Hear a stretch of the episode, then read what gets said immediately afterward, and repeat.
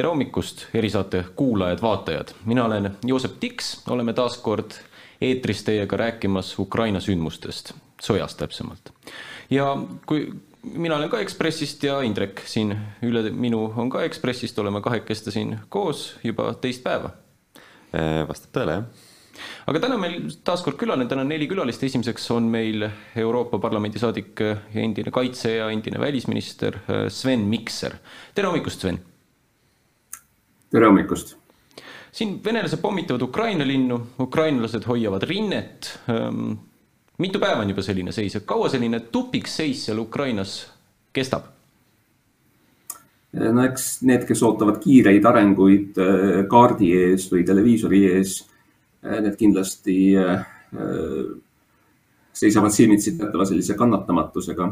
ega sõjas sündmused juhtuvad pidevalt aga mida kaugemalt vaatad, seda staatilisem see seis tundub. ja, ja noh, üks asi on vaadata seda, kuidas rinne edeneb või ei edene, teine asi on seda, võrrelda seda toimuvat äh, siis äh, sõdivate poolte plaanide ja eesmärkidega. ja noh, võib öelda, et, et ega teatud fundamentaalsed alused ei ole väga palju muutunud, venelastel on jätkuvalt äh, ülekaal õhus, neil on jätkuvalt rohkem relvastust ja ja rohkem eh, sõdureid eh, ka maad mööda eh, ukrainlaste vastu paisata. samal ajal on ju täiesti selge, et nende esialgsed välksõjaplaanid on läinud vett vedama. on mindud üle sellisele kurnamistaktikale ja, ja maavägedega sellise väga intensiivse edasiliikumise üritamise asemel on keskendutud ikkagi linnade pommitamisele ja ja tulistamisele rakettidega, ka muuhulgas kindlasti selleks, et suruda maha eh, ukrainlaste sellist võitlusvaimu, eh, mis on ilmselt üllatanud mitte ainult venelasi, vaid kogu maailma. Eh, nii et tegelikult juhtub iga päev ja iga tund vägagi palju ja noh, kindlasti ka tulevad, tulevatel tundidel ja päevadel kuuleme mm, enam, veelgi enam sellest, kuidas rahvusvaheline kogukond, demokraatlik maailm survestab Venemaad, et, et muuta venelaste kalkulatsioone, et muuta avalikku arvamust ka Venemaal.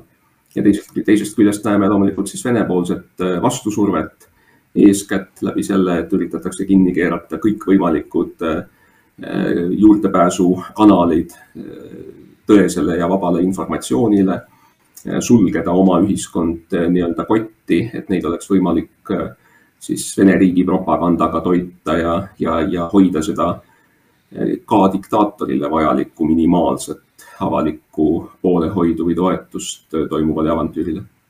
kui me vaatame nüüd seda lõunarinnet, siis eh, eile õhtul, eile öösel Hersoni linn võeti ära ja nüüd on ka teada, et Krimmi poolt on Odessa poole siis liikumas väga palju mereväe aluseid, et kui märkimisväärne on nüüd äh, see lõuna poolt pealetung või on Ukraina väed otsustanud, et see ei ole praegu prioriteet?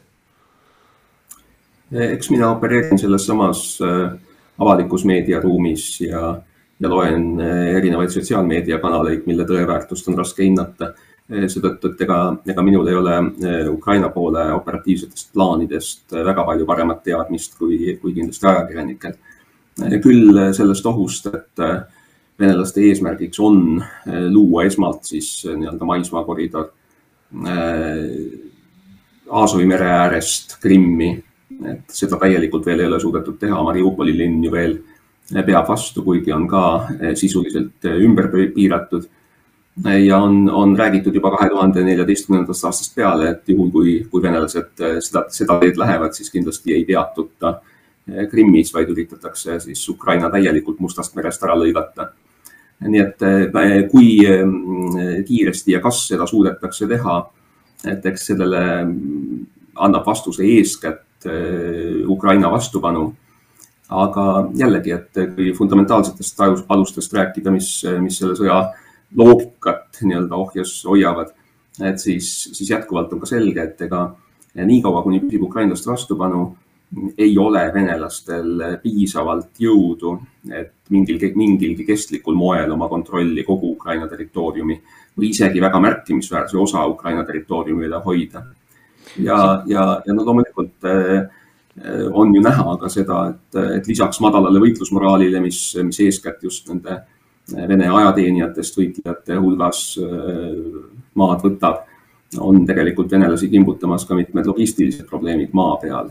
et see võib olla, jääb märkamatuks, kui vaadata üksnes neid telepiltides väga õõvastavaid kaadreid pakkuvaid rünnakuid, raketirünnakuid linnadele aga tegelikult ju Venemaa kulgemine maismaad mööda on, on pärsitud väga suurel määral ka sellest, et nende logistilised äh, toetusahelad on venitatud väga pikaks, neil on äh, puudus äh, kütusest, ilmselt ka, ilmselt ka suured tehnilised probleemid nende väga massiivsete soomuskolonnide liigutamisel, nii et, et uudiseid, noh, mida, mida lasta paista positiivsena või negatiivsena, on kindlasti mõlemal poolel aga oluline on, et, et Venemaa seisab tegelikult vastamisi ju mitte üksnes Ukrainaga, vaid teatud mõttes siiski ka kogu demokraatliku maailmaga.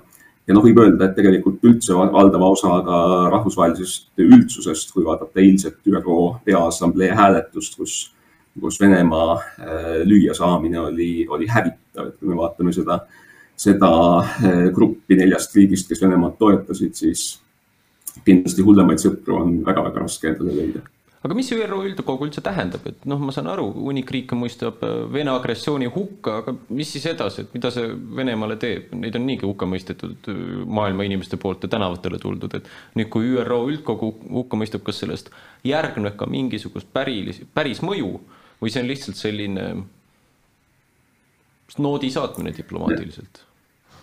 eks see on äh, kindlasti teatud mõttes selline moraalne hukkamõist ÜRO Peaassambleel erinevalt Julgeolekunõukogust ei ole sellist rahvusvahelise õiguse mõttes äh, siduvat tähendust või tema resolutsioonidel ei ole sellist äh, siduvat tähendust. Äh, samas Venemaa jaoks respekt ja prestiiž on ajaloos alati olnud erakordselt olulise tähtsusega sõnad. ja kindlasti Venemaa ühiskond ei soovi sattuda nii-öelda ajaloos igaveseks valele poolele see, mida Venemaa korda saadab äh, Ukrainas, on ju leidnud täiesti põhjendam-, põhjendatult äh, võrdlemist nende koledustega, mida natsid panid toime Venemaa ja ka, ka Ukraina pinnal. aga kas seal on ka mingi praktilist tulu sellest hääletusest? Vene inimestele ei meeldi. et kas sellest on ka mingit praktilist tulu sellest hääletusest, midagi, mis võiks selle sõja kulgu muuda, muuta või see oligi lihtsalt üks selline maailma seisukohavõtt ja that's it, liigume edasi, sõda käib eks me seda näeme, kindlasti see peegeldab teatud mõttes riikide valmidust liituda ka selle juba väga märkimisväärse rahvusvahelise koalitsiooniga, kes Venemaad eh, majanduslikult on võtnud pitsitada ja rakendama suhtes ikkagi väga-väga hävitavaid sanktsioone. ja kui me vaatame seda rahvusvaheliste mm, suurfirmade pagemist eh, Venemaalt, eh, mille noh, majanduslikke mõjusid kindlasti keskpikas plaanis ei saa kuidagi alahinnata et siis äh, samuti, eks need riigid on ju andnud teatud mõttes sõnumi ka omaenda ühiskondadele, omaenda ettevõtetele, äh, mida nad, mida nad arvavad siis Venemaa käitumisest, kuidas nad suhtuvad äh, koostöösse Vene, Vene võimudega, Vene, Vene ettevõtetega. ja noh, laiemalt, kui me vaatame ka näiteks seda, kuidas rahvusvaheline kultuuriüldsus, rahvusvaheline spordiüldsus on, on, on võtnud seisukoha sealhulgas organisatsioonid, kes eh, traditsiooniliselt nii-öelda poliitilisi eh, seisukohavõtte väga kramplikult väldivad. et eh, siis kindlasti, kindlasti peaks panema Vene inimesed mõtlema.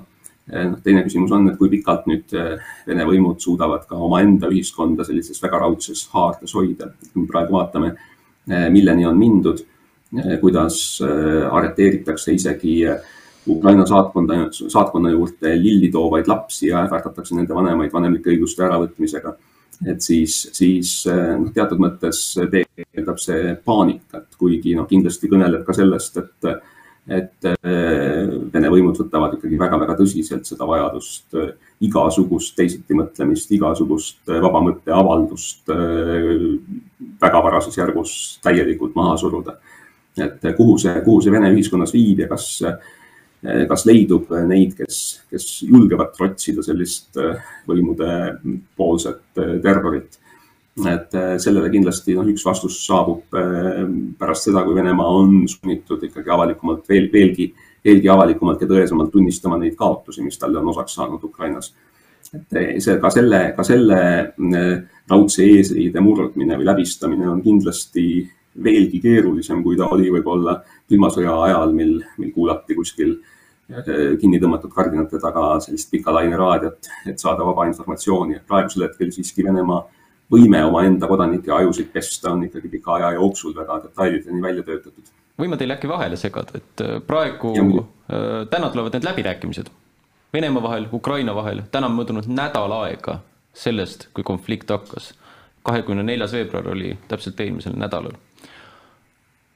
Mis nad räägivad seal läbirääkimistel, miks nad üldse peavad neid samal ajal, kui Venemaa pommitab Ukraina linnu? kas, ma saan aru, et kumbki pool pole nõus taganema, et, et mis mõte sellel kõigil on?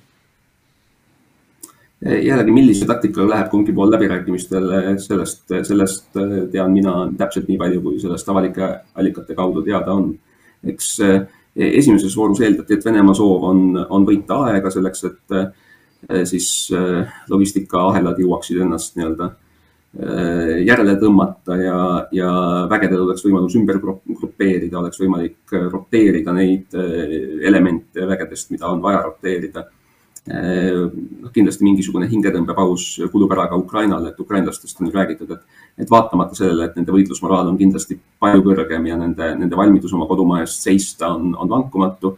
eks selline teatav kurnatus hakkab ka neid mõjutama, sest erinevalt venelastest ei ole ju ukrainlastel kuskilt nii-öelda oma vägesid, värskeid vägesid juurde tuua ega, ega olemasolevaid roteerida aga, aga täpselt, mida, millega läheb läbirääkimiste laua taha Äh, Venemaa pool, mida pakkuma või küsima. et noh, sellest me teame praegu ainult nii palju, et, et jätkuvalt on laual täpselt samad äh, vastuvõetamatud, äh, põhjendamatud nõudmised, mis, mis olid laual siis, kui, kui rünnakut alustati. No see liikumatu objekt selles kõiges on ikkagi Vladimir Putin, kas koos Putiniga on sellele konfliktile üldse lahendust? Ja kui ei ole, siis kas kas see tuleb üldse, kas te suudate üldse ette kujutada seda, et äh, Putin kaotaks nüüd mingil lähemal ajal võimu? no Putini käitumine peegeldab muidugi suurt hirmu sellise paleepöörde ees, et kui me vaatame, kuidas ta ikkagi väga kramplikult proovib kõigist oma lähemat, lähematest äh, kaaslastest teha oma kuriteokaaslasi, et ka neil ei oleks mingisugust tagasiteed äh, rahvusvahelise sellise tõsiseltvõetavuse ja, ja respekti juurde et see siiski peegeldab teatavat hirmu.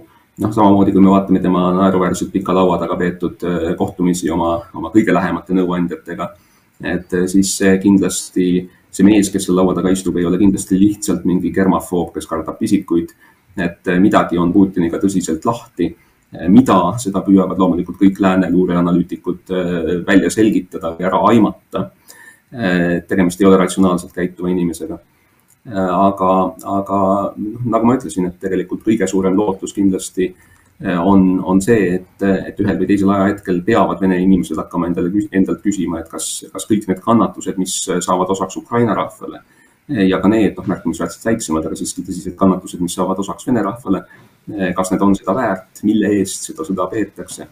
aga noh, lääne vaates kindlasti me ei saa seda seda, seda vastasseisu kaotada väga mitmel põhjusel. et paljud riigid kindlasti tunnevad sellist eksistentsiaalset hirmu järgmiste Vene sammude ees, Balti riigid sealhulgas, aga ka Lääne-Euroopa, kui ta vaatab, et et me seisame vastamisi olukorraga, kus, kus Venemaa võib saada endale nii-öelda sõjalise platsdarmi mitte ainult Valgevenes, mis on juba nii-öelda Venele, Vene, Venemaale ju alistunud, vaid ka Ukrainas ja potentsiaalselt Moldovas, potentsiaalselt Gruusias, juba ka Armeenias et siis tegelikult me ei ole väga kaugel sellest sõjalisest vastasseisust, mida Lääs mäletab külma sõja aegadest ja, ja, ja see kindlasti ei ole miski, millega, millega demokraatlik läänemaailm tahaks taas nii-öelda koos elada. Sven Mikser, sooviksin teid tänada, et olite siin selle veerand tund meiega, soovin teile kõike head ja ilusat ja nüüd, head vaatajad, jätkame ühe väikse videokesega ja siis tuleb juba järgmine külaline kuuleme peagi. Where are you going? To Budapest uh, and to then? meet my relatives. Uh, okay. They are going to take us uh, kindly. My husband is left to protect uh, country. our country, and uh, my three friends died. Uh, I couldn't take my husband with me, of course, uh, and he's trying to get to my home uh, city, Dnipro. And my mom is in Dnipro too. They have air raids. They um, they are hiding in the bomb shelters. For now, it is like safe, relatively safe, but uh, they, they have air raids, sirens all the time because they are coming. Ukraine, it's like a hell. We don't know what to do. That's why we cross uh, to uh, another country. So we don't know what would be tomorrow. So uh, we're running. My husband stay in Ukraine because there's no possibility to cross uh, uh, for man who is uh, under 60 years. uh, so of course he stood in Ukraine. How was the journey? How was the journey? Very scary. Мы хотим домой. You want to ho- go home?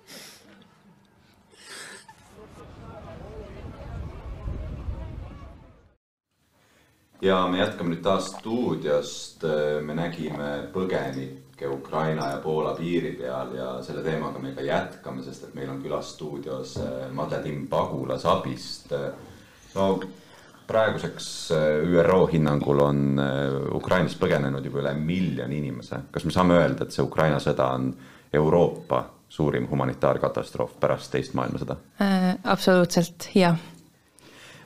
Mis seal piiri peal toimub, kuidas see asi nagu välja näeb, see on pealtnäha ikkagi täielik kaos? Äh, mina rääkisin öösel, meil on siis Poolas Medica piiripunktis on üles äh, pandud staap, kus nemad siis võtavad kõnesid vastu Eestisse äh, tahtvate inimeste poolt siis ja, ja kõige suurem probleem on hetkel see, et neid inimesi küll tuleb, meie kõik bussid saavad täis, me peame järjest rohkem busse teele saatma, aga need inimesed, kes tegelikult kõige-kõige rohkem abi vajavad, on need, kes on Ukraina poole peal kinni, sest neid tilgutatakse sealt piiripunktidest üsna aeglaselt. ja, ja on päris palju kuulda juba surmajuhtusid lihtsalt alajahtumisest, veepuudusest, ravimeid on puudu, nii et kõik, mis toimub siis hetkel teisel pool piiri, on täielik katastroof. millal see tropp sinna piirile on tekkinud, et ma saan aru, et mingi tohutu pudelikael on, inimesed saa läbi, ootavad seal tunde, tunde, tunde, noh, ütleme päevi võib-olla lausa.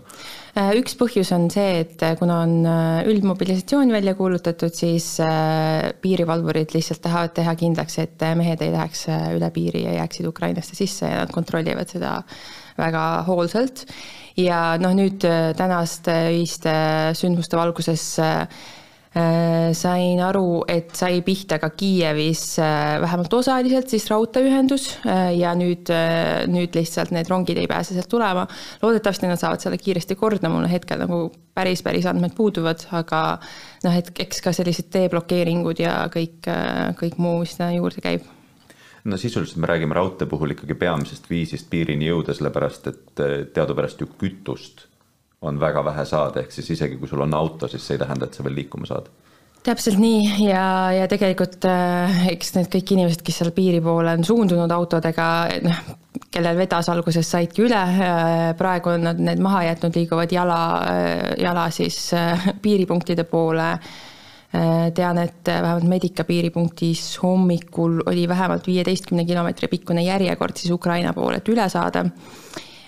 ja enamus neist, noh, seal ongi ju naised ja lapsed ja, ja öösel on külm ja tehakse lõkkeid ja noh, et see, see ei, ei, me töötame selle nimel, et me saaksime luua koostöös siis teiste organisatsioonide ja Poola riigiga rohelise koridori, et me saaksime humanitaarabi julgelt üle viia, sest hetkel on see, et kui meie läheksime üle, siis, siis me ei saa enam tagasi.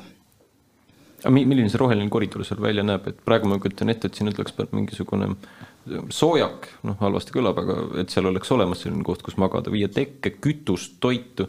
ja see kõik on tegelikult Poola pool olemas, seal on, seal on juba kogutud, seal on kõik inimesed valmis ootamas, inimesed, kes saabuvad piirilt, nende eest hoolitsetakse tegelikult väga hästi.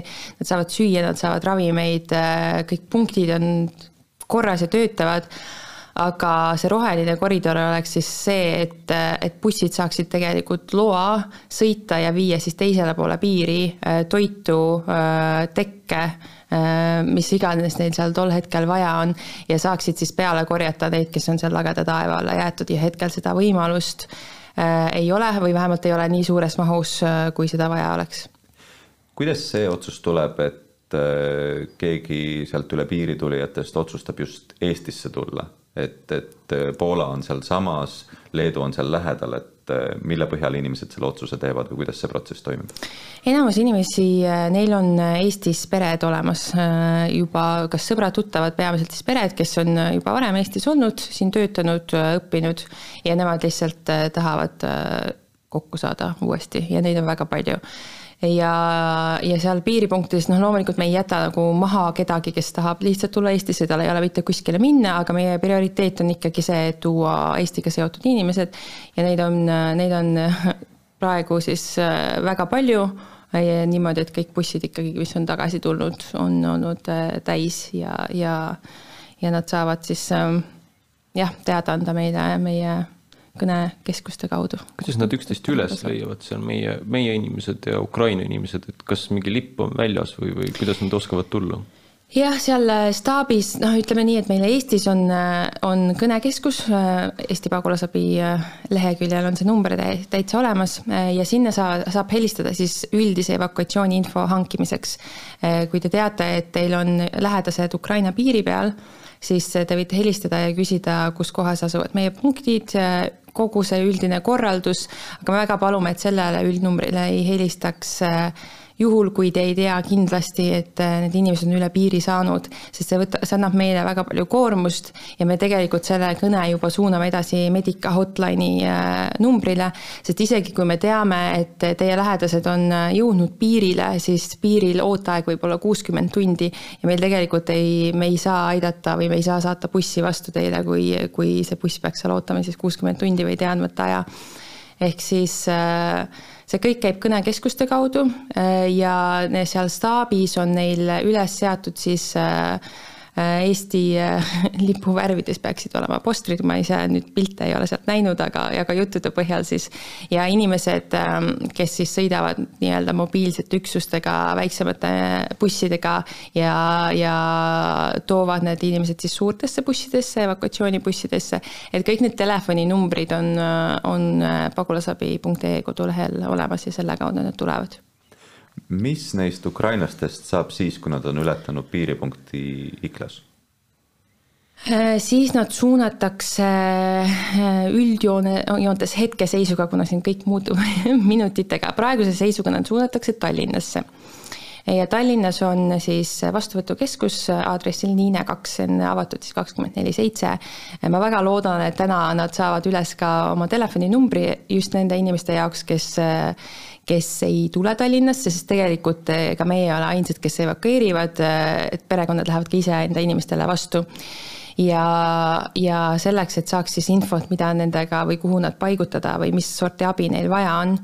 aga hetkel jah, nad tuuakse Tallinnasse, need, kellel on keegi vastu tulemas, saavad otse koju minna ja need, kellel ei ole kuskile majutuda, siis suuname hotelli ja hiljem, kuna kuna väga hea meel on selle üle, et Eesti inimestest vist eilse seisuga oli umbes kolm tuhat inimest, kes ütlesid, et saaksid maja, majutada enda juures sõjapõgenikke, et siis me nii-öelda match ime nad omavahel äh, kokku ja selle töö teevad siis meie, meie andmetöötlejad kas Niine kaks või siis äh, Liivalaia kakskümmend kaheksa Eesti pagulasabi kontoris.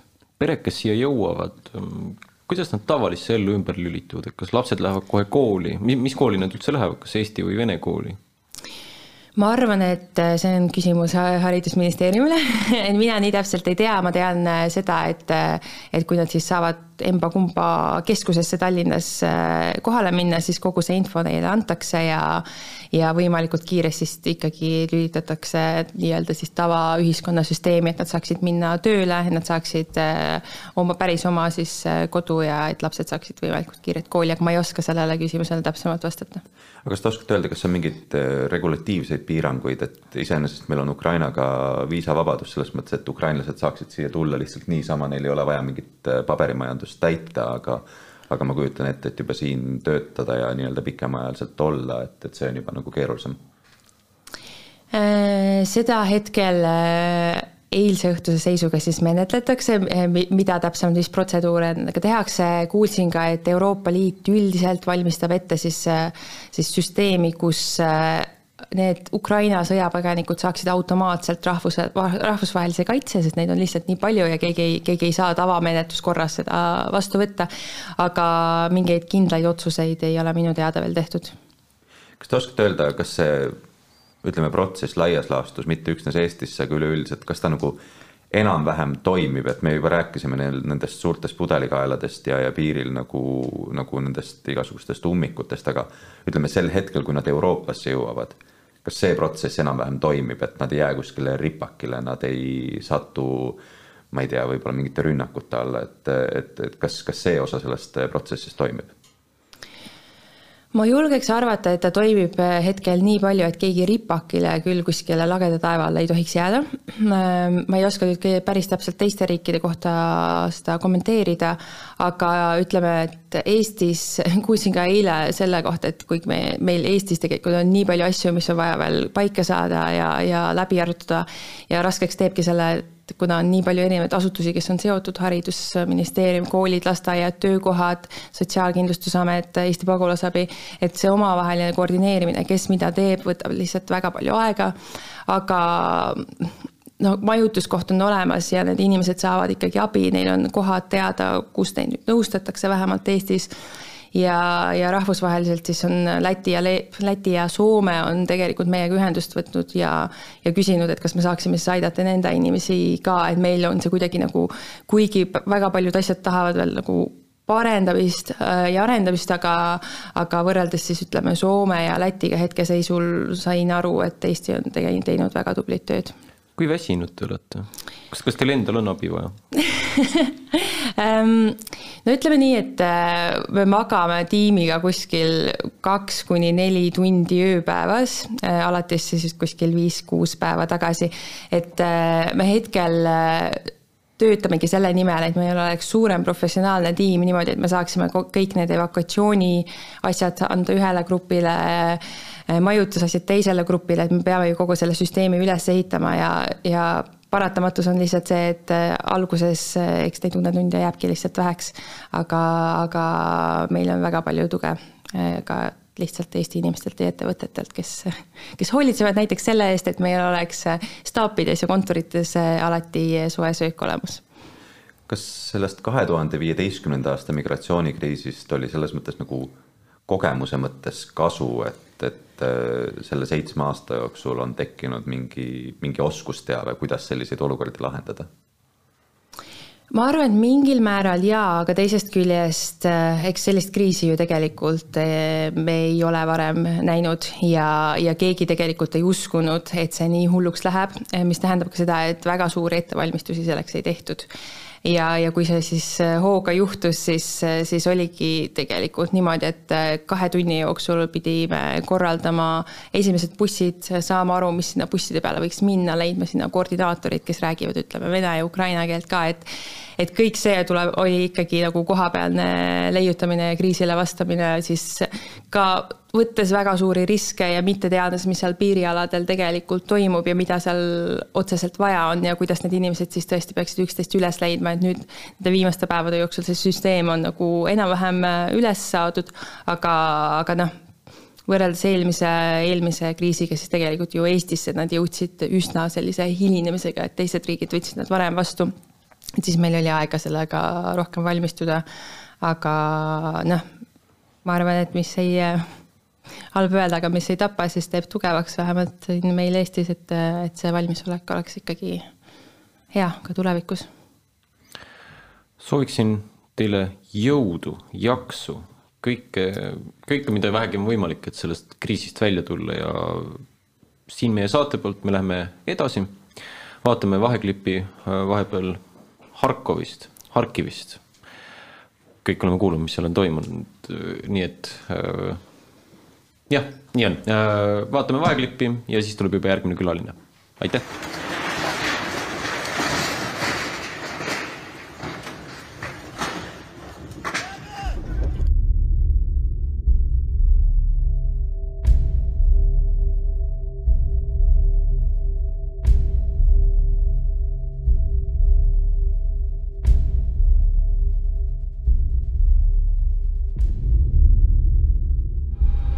Разбомбили жилой дом ударили ракетами по нему. Очень погибло много мирных жителей. У меня есть видео, где по меньшей мере 4 человека, которые просто уже погибли. Вот лежит человек убитый тоже. Ну, просто Лавров и Путин это просто...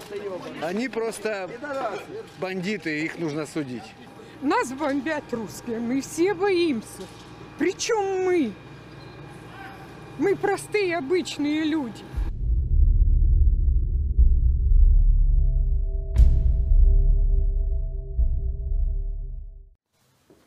Tere tulemast tagasi Delfi eristuudiosse, taas kord Ukraina teemal. meil on külas Andrei Hostov, meie hea kolleeg Eesti Ekspressist, nüüd meil on siin Ekspressi trio tekkinud. aga meil oli üks video, kus olid Harkivi sündmused, venelased pommitavad venelasi. kuidas see Venemaal inimestele mõjub, kas nad saavad sellest üldse kuidagi aru? nii palju, kui minuni jõuavad, jõuavad need, need Vene meeleolud, Vene ühiskonna meeleolud, siis äh, esiteks vähemalt praeguse hetkeni, et see käimasolev sõda ei ole Putini populaarsust vähendanud, vaid on suurendanud. no eile Eha Moskvast, see on siis üks, üks väheseid ikka veel tegutseb, jah? ikka, no nad on üle kolinud Youtube'i, nad pandi Venemaal kinni, Eha Moskva, see on siis üks, üks viimaseid vabasid raadiojaamasid, ütleme, sõltumatu ajakirjanduse näiteid Venemaal. Et nad pandi küll siin kinni, aga nad leidsid siis muud moodused, kuidas, kuidas oma kuulajateni jõuda. seal, seal kinnitati, et äh, kui enne sõda oli Putini populaarsuse reiting kuuskümmend protsenti Venemaal, siis nüüd on ta seitse, seitsekümmend üks vist uskumatu. ta on tõusnud. ja no siin ei ole midagi uskumatut, see on, see on psühholoogiliselt täiesti mõistetav, et seda võiks, võiks vist nimetada ümber, ümberpiiratud kindluse fenomeniks. Võime ette kujutada niimoodi, et kui, kui, kui kindlus on ümber piiratud, siis seal on olemas ka üks komandant ja siis kindluses viibivad inimesed või see garnison, need elanikud, kes seal on, et need siis koonduvad selle komandandi ümber. See on, see on noh, sama, sama fenomen, mis oli Teise maailmasõja ajal Natsi-Saksamaal, kui et enne aru ei kui, saadud, kui Berliin oli maas või? isegi väga paljud sakslased ei saanud isegi siis aru, kui isegi, isegi aastakümneid hiljem, et seda Hitleri selline populaarsus ja tema, tema toetamine Saksa elanikkonna poolt, et see oli tegelikult kuni sõja lõpuni no ikkagi valdav, määrav, absoluutne, peaaegu et absoluutne. tulles tagasi Venemaa juurde, siis siis peale selle, et, et, et meil on siin seal mingi ümber, ümberpiiratud kindluse fenomen, näiks, näiks avalduvad, siis teine asi on see, et et, et, et see, nende elanikkonnatunded on kuidagi võrreldavad ilmselt mingisugust, mingisuguse religioosse ekstaasiga. see on umbes niimoodi nagu religiooni küsimustes, kui te olete proovinud kunagi mõne, mõne noh, fanaatilise usklikuga hakata vaidlema teatud teemadel, siis te saate aru mingi hetk, et et tema, kuidas nüüd seda, kuidas seda nüüd öelda, et tema ajus on teatud mingisugused uksed lukus, jah? Mingid uksed on lukus, jah, et sealt see informatsioon ei, ei lähe sealt läbi. ja tundub, et nii on ka nüüd nende sõjapiltidega Ukrainast. tundub nii, et, et kui ütleme sellele Putini pooldele venelasele, võime jutumärkides sinna ette panna lihtne venelane, aga võime panna võib-olla ka, et on üldsegi mingi intellektuaal, ta on veendunud Putini pooldaja, talle näidatakse Harkivi sõjapurustusi, mis seal toimub, siis ta võib võtta hoiaku, et see on fake news. kui sa imestad, et kuidas fake news, no aga see on Ameerika Hollywoodi toodang mm. -hmm. et see kõik on, teda, Vene propagandast no nii palju, kui ma olen hoomanud, et et seal levitataksegi sellist, sellist ideed, et et ameeriklased juba ette teades, et Ukrainas võib hakata mingeid selliseid asju juhtuma, et siis nad eelnevalt juba filmisid või valmistasid ette selle materjali, mida siis saaks tulevikus näidata maailma avalikkusele ja siis sel moel siis Venemaad ja tema relvajõudusid mustata. et see on selline noh, järjekordne vandenõuteooria, üks, üks kümnest tuhandest, üks miljonist, mis maailmas ringleb. see kõlab nagu venelasele poleks kunagi võimalik selgekski seal Venemaal teha. kõik, kõik, mis sa näitad talle ette, Kiievi pommitamist, Harkivi pommitamist, surnud inimesi, see on fake ju. No ei, siin tuleb ikkagi jällegi arvestada saab siis psühholoogia, psühholoogilist eripära, et et on teatud sorti informatsiooni, mida sa ei taha vastu võtta. ja ma üldsegi ei piiraks seda siis ainult venelaste, venelaste suhtes, et kuule, selliseid asju juhtub absoluutselt kõikide rahvuste juures. et noh, et see asi kuidagi, kuidagi nagu selgemaks teha kuulajatele, et et see näide on küll nüüd võib-olla kohatu ja ma ei tea, see on lihtsalt miljon korda tühisem kui see, mis Ukrainas toimub, aga omal ajal, kui meie esisuusataja Veerpalu jäi dopinguga vahele, sest mäletate mm, -hmm. kuidas osa inimesi, lihtsalt nad keeldusid vastu võtmas seda informatsiooni. kuigi teda tuli aina juurde, mis nagu tõestas, et jah, et see on tõene asi, aga ei, et nüüd selle, selle info vastuvõtukanalid olid lihtsalt suletud, neid ei võetud vastu, öeldi, et see kõik on mingisugune laimukampaania, mille on algatanud mõned ajakirjanikud, kes on, ma ei tea, mis jõudude teenistuses et noh, et äh, ma ei tea, korrutage see miljoni või kümne miljoniga ja siis me jõuame noh, umbes sellele, sellele tasandile, mis siis nagu, nagu Venemaa ja Ukraina suhetes toimub. aga no me näeme ikkagi seda, et äh, Piiteris tulevad inimesed tänavale, Moskvas isegi tulevad inimesed tänavale, ma istusin öösel äh, Delfi otseblogi valves ja päris palju tuli ka uudiseid sisse sellest, kuidas Piiteri Helsingi rongis on inimesed pakkinud ikkagi endale sellise pagasi, et nad teavad, et nad Helsingist tagasi ei lähe. Äh, intellektuaalid lahkuvad, üks USA päritolu äh, äh, või ütleme siis Vene päritolu USA ajakirjanik Julia Joffe kirjutas, kuidas tema sõbrad kõik samamoodi Venemaalt pagevad, kuidas on nii-öelda noh, mõneti nagu selle kordumine, mis oli sada aastat tagasi, kui siis Vene valged lahkusid, et mis, mis rolli nagu nemad seal ühiskonnas mängivad või, või kui märkimisväärne protsess see on? see on, ma kardan, et see on lihtsalt üks väike selline pinnavirvendus. et kindlasti, kindlasti suurlinnades, Peterburi, Moskva, et noh, seal see, see keskklass, nad on alati olnud kuidagi sellised Putini suhtes skeptiliselt meelestatud, aga kui võtta niimoodi noh, Vene, Venemaa suured laiad avarused, siis sealsed, sealsed provintsielanikud paistab, et nad ikkagi noh, kas just absoluutselt, aga, aga noh, valdavalt lõviosas on nad ikkagi Putini poolt.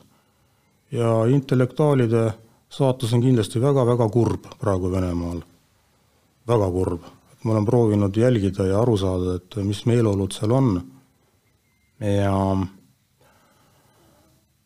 võiks vist jagada nad kuidagi nagu kolme, kolme gruppi, ühed, kes on siis võtnud sellise kuidagi mm, noh, režiimi, režiimi pooldava hoiaku, väga tuntud filmirežissöör Nikita Mihhalkov on siin üks selline noh, ütleme, ütleme eksemplar, täielik. mis ta siis teeb, kiidab Putinit ja taevani? Ta on seda alati teinud, aga noh, et, et mitte ainult Putinit, vaid ta ongi sellises hoiaku, hoiaku võtnud, et ähm, nüüd Venemaa on üle kõige mm -hmm. ja Venemaal on alati õigus. no ta juba oma, oma nendes filmiloomingus, filmiloomingus nagu see Siberi habemaja ja kus ta mängis tsaar Aleksander Kolmandat. muuseas, tsaar Aleksander Kolmas on äh, nagu väidetavasti Putinile suur eeskuju. no see oli selline äärmiselt reaktsiooniline tüüp mm. -hmm nii et, nii et ühed on siis sellise, sellise režiimi toetava hoiaku võtnud, mm, teised kuidagi aastaid minu meelest tegelesid kuidagi nagu hoolega nendest probleemidest möödavaatamisega. et äh, noh, et äh, et me ei tee sellest välja, et meil on oma elu ja, ja, ja see režiim te, te, tegeleb seal mingisuguses oma, oma selles, oma asjadega ja me nagu eriti kokku ei puutu. natuke nagu konformistid, et no võib niimoodi öelda, jah. ja siis kolmas on siis need, kes no nagu püüdsid kuidagi seda toimuvat äh, ratsionaalselt seletada. leidsid, leidsid, leidsid toimuvas mingeid selliseid, selliseid noh, nagu mingisuguseid positiivseid märke, et mis näitasid, et noh, et nagu kõik ei ole nii hull ja kõik, kõik võib veel paremaks minna. et selle, selle, selle, selle suuna esindajaks on minu jaoks üks väga tuntud politoloog Ekaterina Schulman kes muuseas oli ka seal Eho Moskvõs, oli püsi, püsikülaline. et äh, ta oli kindlasti selle režiimi suhtes väga-väga kriitiline, aga noh, ta leidis kogu aeg mingeid selliseid äh, lootustandvaid märke Vene ühiskonnas, noh et, et kodanikuühiskond areneb kusagil mingisugustes linnades, regioonides. Et inimesed organiseeruvad, et nad küll poliitikaga ei tegele, aga nad tegelevad no näiteks keskkonna, kes, keskkonnakaitsega või mingite sotsiaalküsimustega et siis ta tõi, kuna ta on politoloog, et siis ta tõi välja kogu aeg statistikat, et meil on oodata põlvkonna muutust. et, et see noor venelaste põlvkond on, on hoopis teistsuguste väärtuste kandja. ja kui saabub nende aeg, kui nemad on ükskord valijad, kui nemad hakkavad jõudma kusagile sinna võimu, võimu, võimustruktuuridesse, et siis toimub selline tasapisi noh, selline nagu muutus, mingi demokratiseerumine mm,.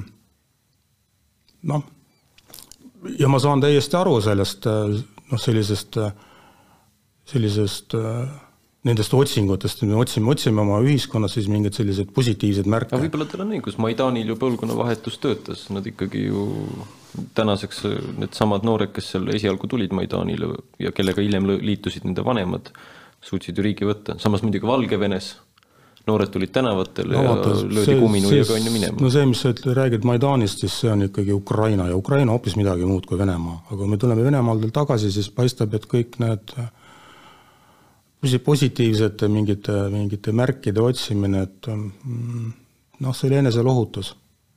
sest äh, kui ma praegu vaatan, et vaatame, mis Venemaal toimub, et jah, ma olen ka kuulnud, et äh, Peterburi, Helsingi rong on neid inimesi täis, kes põgenevad aga immigratsiooni minek tähendab, tähendabki seda, et sa oled immigratsioonis. jäädki ära sealt riigist? sa lähed sealt riigist ära, aga noh, kui peab režiimiga võitlema, siis üldiselt peab olema nagu oma kodupinnal.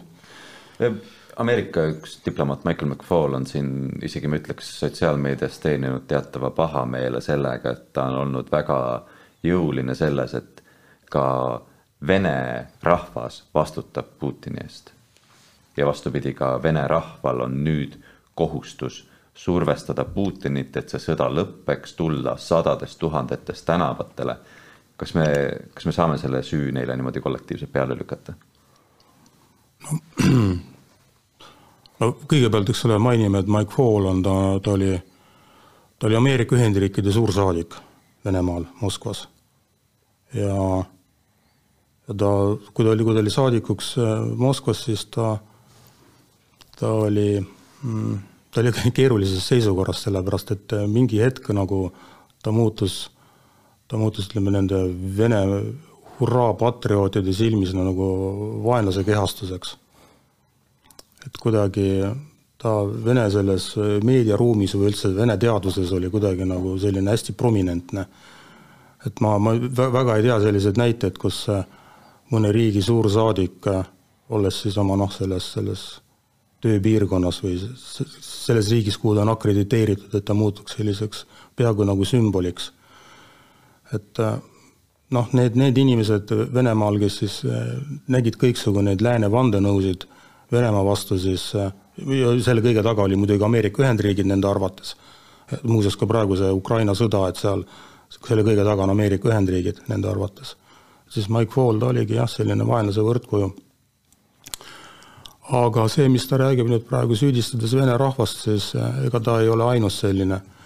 et jällegi, kui me tuleme nüüd nende, nende vene haritlaste intellektuaalide juurde, kes on algusest peale olnud äärmiselt, äärmiselt kriitilised Putini suhtes, siis ka nemad, ma olen tajunud, on nagu natuke nagu käega löönud ja öelnud, et vene rahvas ongi lootusetu.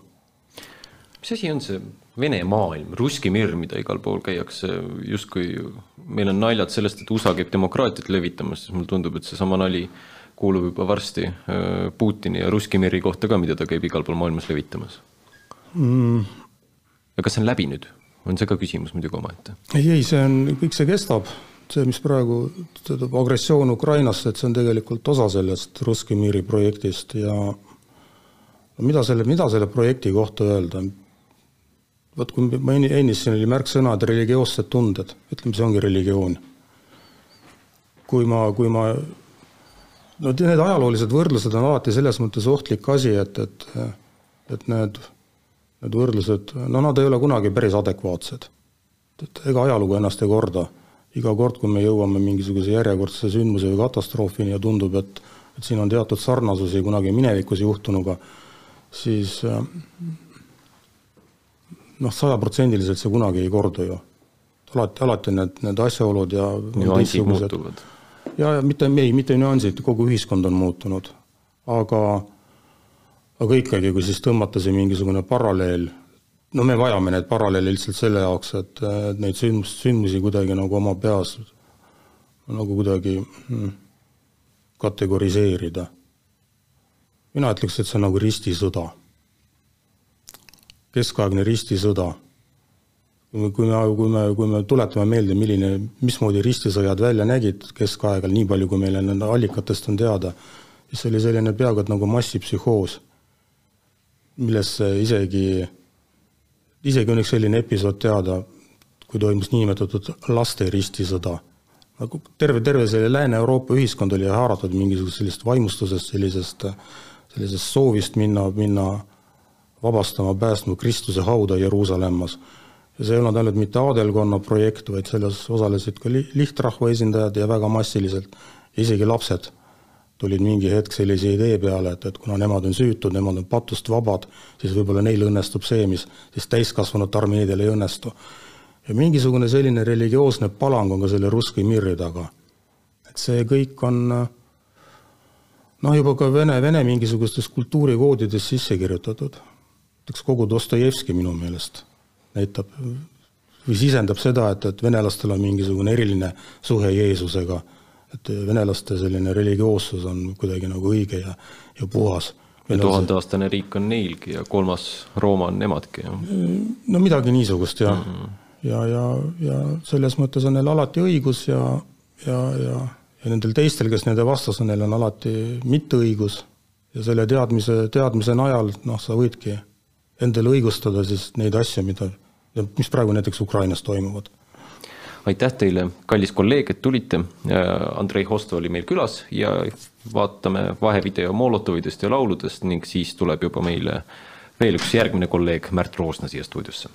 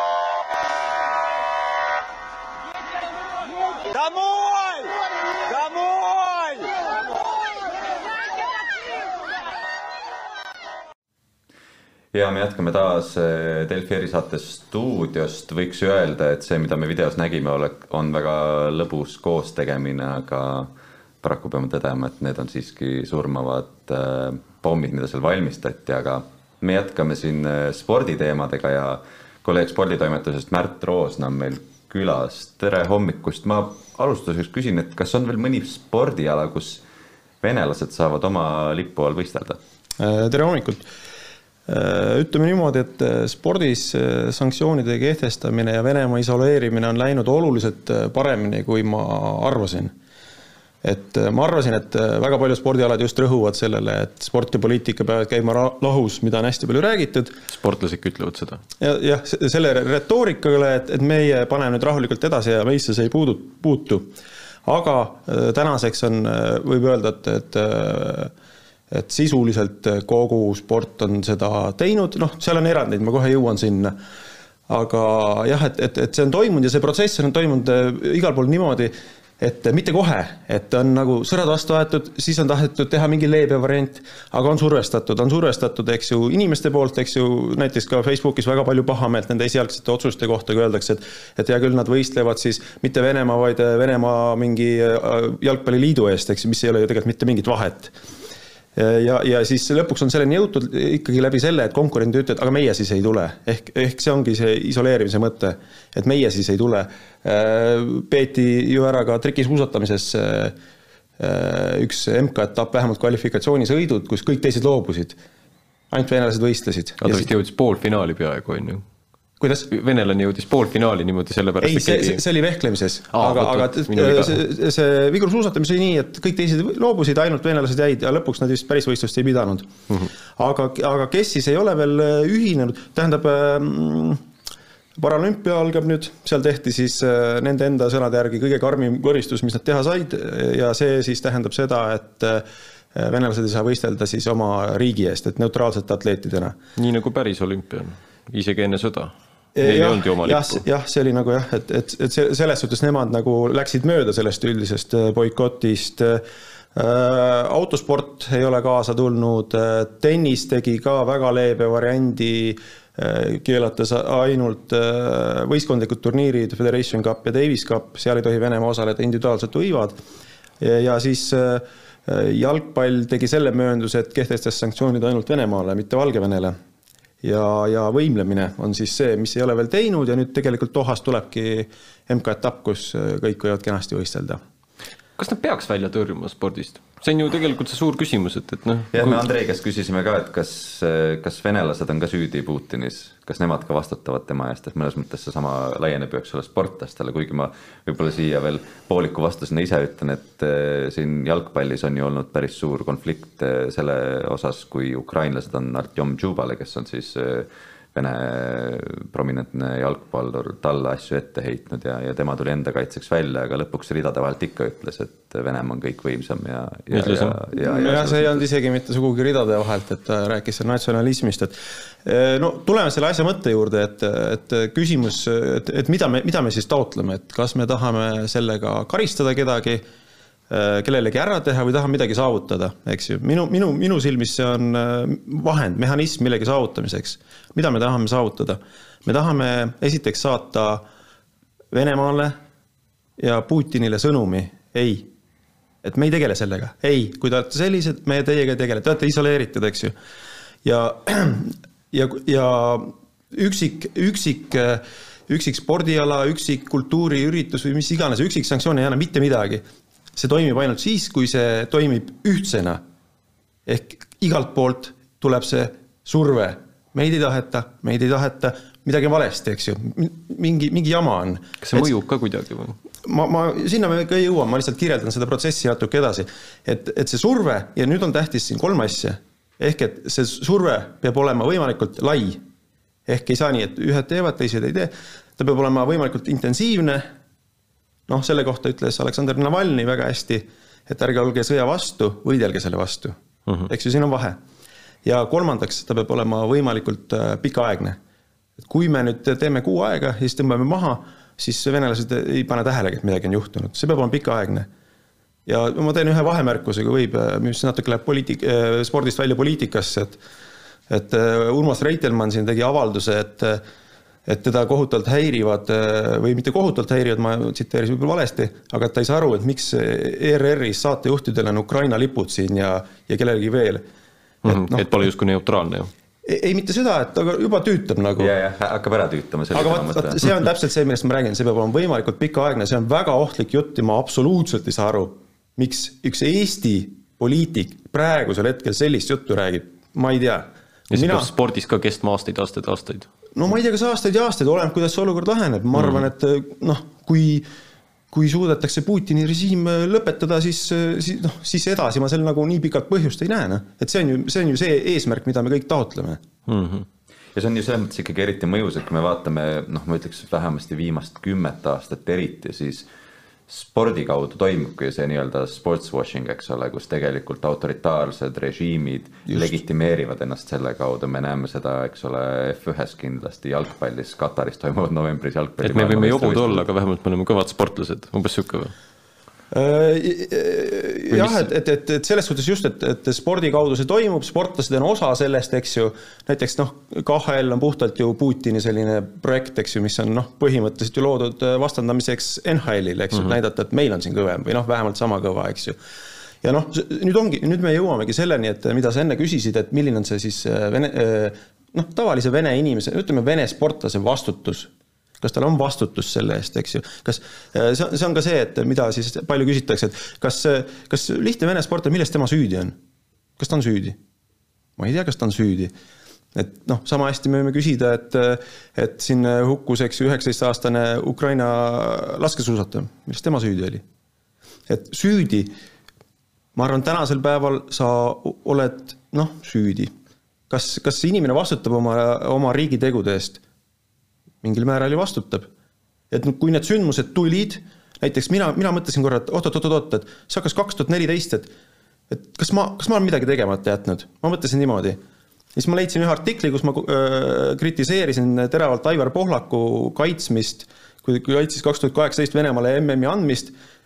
mul hakkas kohe parem, et ma midagi tegin, see on nii mm. väike liigutus, aga, aga kui me kõik midagi teeme, siis see nagu annab midagi. et pärast Krimmi me justkui unustasime ja lasime neid see ununes täpselt, no seesama see Pohlaku jutt, kuidas ta ütles, et no see on täiesti kohutav artikkel tagantjärele lugedes, kuidas ta ütles, et see on absurdne Venemaalt MM-i äravõtmine, oleks absurdne, et sellest räägivad ainult need, kes ei tea midagi, et kuidas teda austatakse UEFA-s ikka, kui Putin sisenes, kõik tõusid austusest püsti, no selline jutt, et ma ei tea, ma arvan, et Aivar Pohlakul täna on väga piinlik seda lugeda, ma loodan, et on, aga aga just see vastutuse küsimus, nüüd on see, et, et kas, kas sportlane midagi teeb või ta ei tee, see on see vastutus.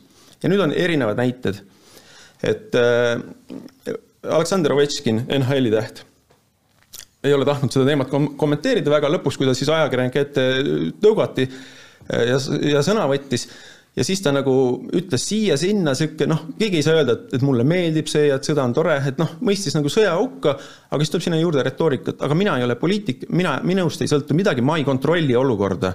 Mm. -hmm ja, ja kõrvale ma toon siin rannavõrkpalluri äh, Rivo Vesiku Venemaa koondise treeneri õpilase Vjatšeslav Krasilnikovi, kes tegi kohe postituse. ainuke, mida ma praegu teha saan, on olla mitte vait, eks ju, et see, see on täiesti vale asi, sellised asjad peavad jääma filmidesse ja raamatutesse. et see on nüüd, see on see positsioonide erinevus, et et kui sa ütled, et see ei puutu minusse, ma ei ole poliitik, ma olen sportlane, ma tahaks praegu minna mängida tennist, tennisistid muide on kõvasti sõna võtnud, et sellest tuleb neid kiita mm. -hmm et siis see tähendabki, et sa tahad oma käed seest puhtaks pesta, sa ei tunne vastutust. ja mul, ma, ma kardan, et see on Venemaal paratamatu, kuna seal on, kuna seal on selline mentaliteet tekkinud. Neil ei ole, neil ei ole ju arvamusvabadust, kõik kraanid on kinni keeratud, sportlane ei tohi ju poliitiliselt äh, midagi ütelda, sa ei tohi minna tänavale, eks ju, sellega no war plakatiga, et ei sõjale. ja siis tekibki selline arvamus, et, et minust ei sõltu midagi. see on riik, riik läheb kuskile, meil on juht, eks ju, kes mina olen aga ta ometi on selle sama riigi lipu all või ma isegi mõtlen. ta on selle lipu all, ta on, aga ta on ju, kas, ta on ju valija. rahvas ju peaks otsustama, aga neil pole seda mentaliteeti, et rahvas võiks midagi otsustada. mõtlen, kui see rannavõrkpallur või tennisist, ta võtab ihu ja hingega Putini vastu sõna, et kas siis oleks okei okay,, et ta läheb oma sporti tegema? ta on ju Putini vastu. no see on, see on hea küsimus, et ma ei ole väga palju näinud, et keegi otseselt Putini vastu võtaks noh, konkreetselt sõna sportlastest, kui ma nüüd mõtlen, vähemalt nendest, kes äh, on selle süsteemiga nagu noh, kes ei ole kuskil välismaal noh, et mm -hmm. lahkunud, et noh, kas see oleks, nojah, selles suhtes jah, see on hea küsimus, et mina olen nagu mõelnud, et mm, ma arvan küll, jah. et siis võiks osaleda või toome Eesti lipu alla näiteks? jah, et, et, et, et et noh, mille peale nüüd on keeratud seda asja, on hästi palju nüüd Venemaalt tulnud seda retoorikat, aga see on ju äh, rahvusepõhiline diskrimineerimine. et just äh, Venemaa Võrkpalliliit, kellelt võeti siis ära MM-i korraldusõigus.